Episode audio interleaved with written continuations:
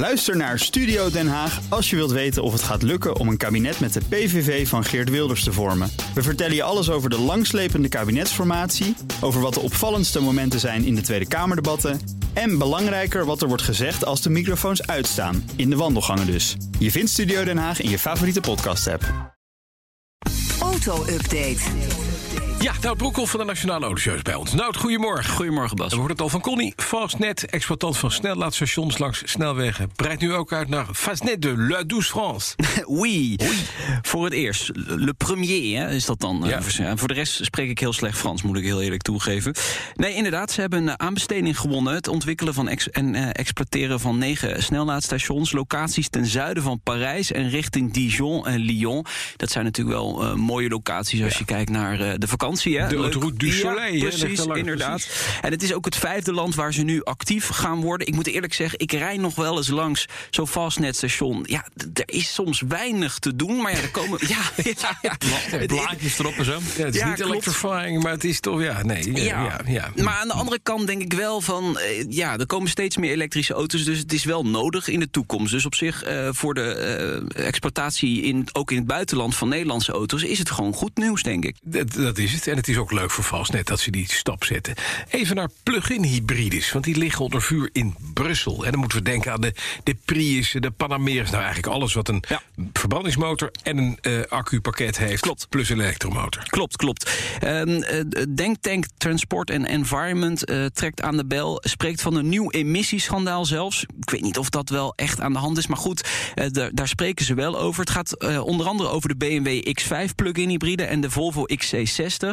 In optimale condities eh, stoten ze 28 tot 89 procent meer CO2 uit dan geadverteerd. Eh, en volgens TNI is dat, ja, zijn het eigenlijk gewoon fop-elektrische auto's. Nou wisten we dat natuurlijk tuurlijk, al. Hè. Dit is natuurlijk een bekend verhaal. Maar goed, eh, ze- TNI heeft best wel wat invloed in Brussel. En eh, wat zij eigenlijk willen is dat de plug-in hybride niet meer wordt gezien als half elektrisch, maar het eigenlijk gewoon als verbrandingsmotorauto. Dus ja, eh, bijvoorbeeld ook in Nederland kreeg je hele lange tijd natuurlijk gewoon eh, belastingkorting voor eh, dit soort auto's.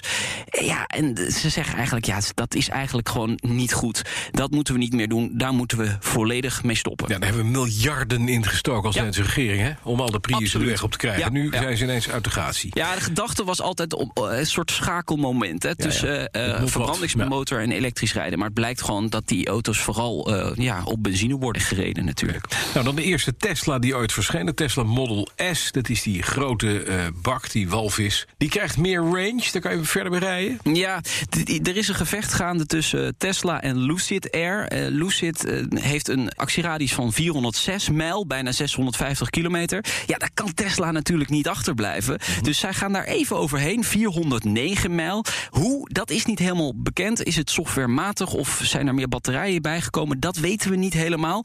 Maar het is in ieder geval de Long Range Plus. Liggen we hier nou echt wakker van in Nederland? Dat denk ik niet, want de verkoop van eh, Model S is volledig ingestort in Nederland. Dit jaar pas 171 van verkocht. Ja, je krijgt geen subsidie meer. Ja, Porsche gaat een belangrijke nieuwe stap zetten met de 911. Ik ga nu vrezen met grote vrees. Nou ja, ik weet niet of je moet gaan vrezen. Kijk, de 911 eh, gaat binnen vier jaar op synthetische brandstoffen rijden. Dat zegt Automobielwogge. Wat is er aan de hand? Kijk, de 911 eh, die willen ze niet elektrisch maken. Is een icoon, die moet gewoon met een verbrandingsmotor uitgevoerd nu, worden. nu word ik alweer blij. Ja, maar misschien gaat hij wel hybride. Maar voordat hij dat stadium gaat bereiken, gaan ze hem uitvoeren met synthetische brandstoffen. En ja, daar, daarmee kun je eigenlijk redelijk. CO2-neutraal rijden. Hè? Want synthetische brandstof wordt gewonnen uit waterstof, gemaakt uit water. Koolstof wordt eraan toegevoegd. Dat wordt uit de lucht gehaald meestal. Dan krijg je een synthetische brandstof. Dus op die manier kunnen ze toch die auto's nog eh, laten rijden met een verbrandingsmotor. Zonder dat ze daar een elektrische eh, Waar- of een bak en dit? accu's.